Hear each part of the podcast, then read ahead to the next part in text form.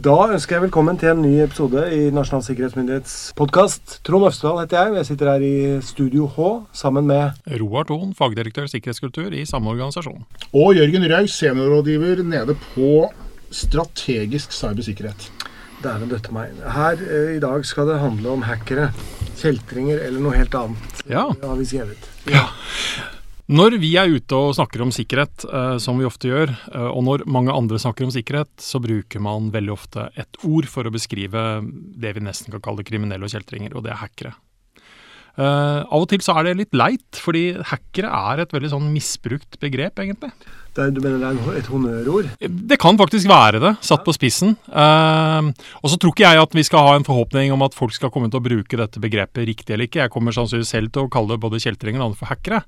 Men grunnen til at vi egentlig kanskje vi skulle snakke litt om det, er at vi faktisk har kollegere som er hackere, i den forstanden vi egentlig snakker om. Ja. Uh, og de søker bl.a. etter nye kollegaer, som vi skal komme litt tilbake til på slutten av podkasten. Ja, nettopp. Så hvis du er interessert i å bli uh, hacker, så bør du følge med. Ja, helt klart. Uh, for dette ordet, da, er et Det er et veldig vidt begrep, egentlig.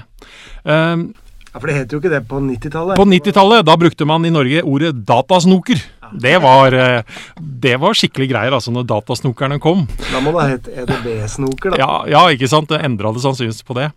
Eh, men det engelske ordet som man egentlig har brukt i den litt sånn negativ forstand, er ordet cracker.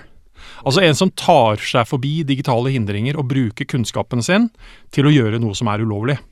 Ja, men det fløy vel kanskje ikke helt, det. Sannsynligvis ikke. Det blir litt sånn tull med alt fra hakke, hakkespett og eh, det mange ord. kjeks og narkotika. Sannsynligvis. Sannsynligvis. Det ble tidlig forlatt. Ja. Det blir tidlig. Ja. Men, eh, men, men en hacker er egentlig da, en beskrivelse av en person som kan løse problemer og masse utfordringer ved hjelp av kunnskapen sin knytta til informasjonsteknologi. Eh, ofte så er de eksperter i å finne altså nye måter, forstå, endre, bruke datakode, altså bypasse ting. Og da er vi til, ja, En som tar seg forbi digitale hindringer, Ja. eh, Jørgen. Ja. Eh, det slår meg når vi snakker om det, at det er jo nærmest en sånn yrkesbetegnelse. Ok. Det er liksom et, det er et håndverk som noen behersker. Ja. Eh, enkelte ganger, som i vår virksomhet, brukt til noe positivt. Men som også da kan brukes i negativ kontekst. Altså da innenfor en kriminell kontekst. Men hvis noen da tar med seg liksom eh, kjæresten eller eh, datteren kommer hjem og viser fram sin nye kjæreste, og han blir spurt hva driver du med da, Eh, og han eller hun, da, hvem det måtte være, sier jeg er hacker, så er jeg ikke, sånn, så er jeg ikke umiddelbart ikke på at umiddelbart. foreldre da tenker at oi, dette var veldig positivt. Nei. Eh, fordi ordet blir veldig ofte brukt til noe negativt og ulovlig. Ja. Men bare for å legge til, i vår kontekst så sier du at da er det positivt. Hva gjør vi? Nei, som vi vel også da kommer tilbake igjen eh, mot slutten her. eh, vi har jo behov for denne kompetansen eh, rett og slett for å kunne tilby den tjenesten vi gjør, om å forsøke å bryte oss inn i norske virksomheters IKT-systemer, men gjort da med, etter avtale med virksomhetens eier, rett og slett for å, verifisere hvor godt de har klart å skru dette sammen. For å Eh, teste sikkerheten, For å teste sikkerheten, rett og slett. Stressteste sikkerheten deres. Ja. Og det er klart at det kan vanskelig si, kategoriseres som kriminell virksomhet når vi gjør det etter avtale. Nei. Men prinsippene, metodene, er jo Det er akkurat samme, ja. akkurat de samme som de der ute som på ingen måte har edle hensikter, ville ha brukt mot den samme virksomheten. Mm. Ja. Så det er klart at, mm, at man da behersker det samme uh, settet med, med verktøy, uh, betyr jo at man da kan avdekke reelle utfordringer disse virksomhetene står overfor. For, for å si det sånn da, at hvis en av våre ansatte eh, bruker sin kunnskap og verktøy til å bryte seg inn i en norsk virksomhet uten at det foreligger en avtale om det, så er det en ulovlig handling. Punktum. Ja. Så dette er juridiske og etiske liksom, linjer i form av altså at man bruker kunnskapen sin til å gjøre disse tingene. Og noen ganger så kan det altså være til noe som er positivt, som Jørgen akkurat sa, og, eh, men i stor grad så bruker vi begrepet når det er noe negativt.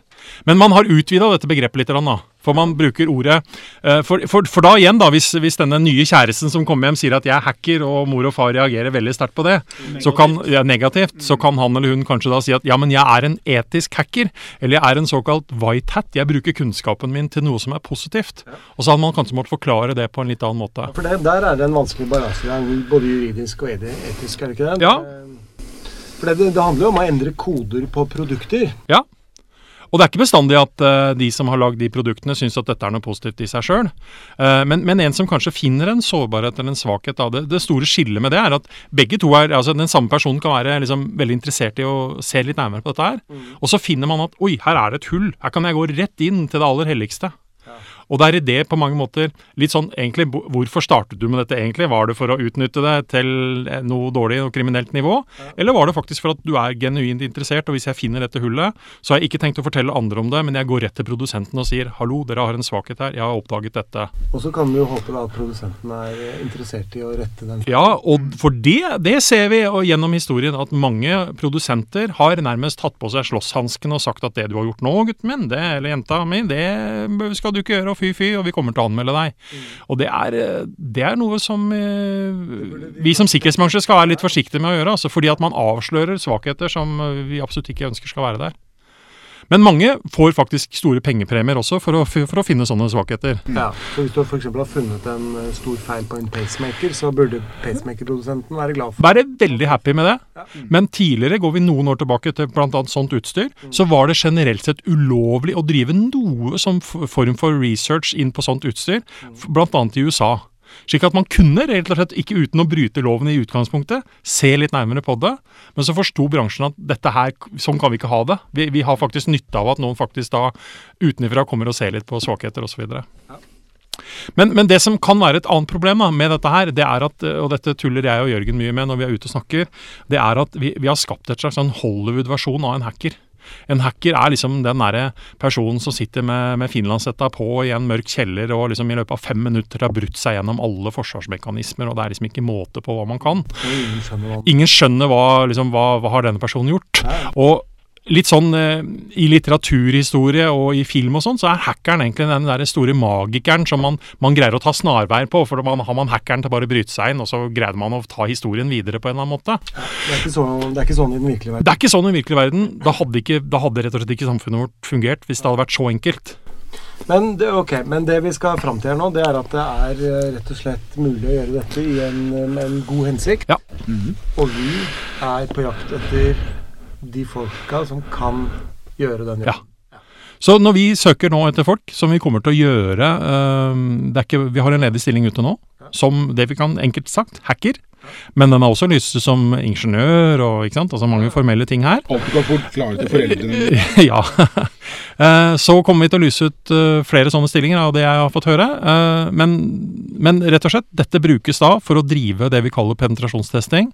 Teste, leite etter sårbarheter og svakheter i digitale systemer og fysiske systemer for å se etter sårbarheter som vi sånn sett kan lukke og forbedre sikkerheten for Norge. Så hvis du er interessert i mer informasjon om hvordan du skal gå fram for å søke, hva gjør du da?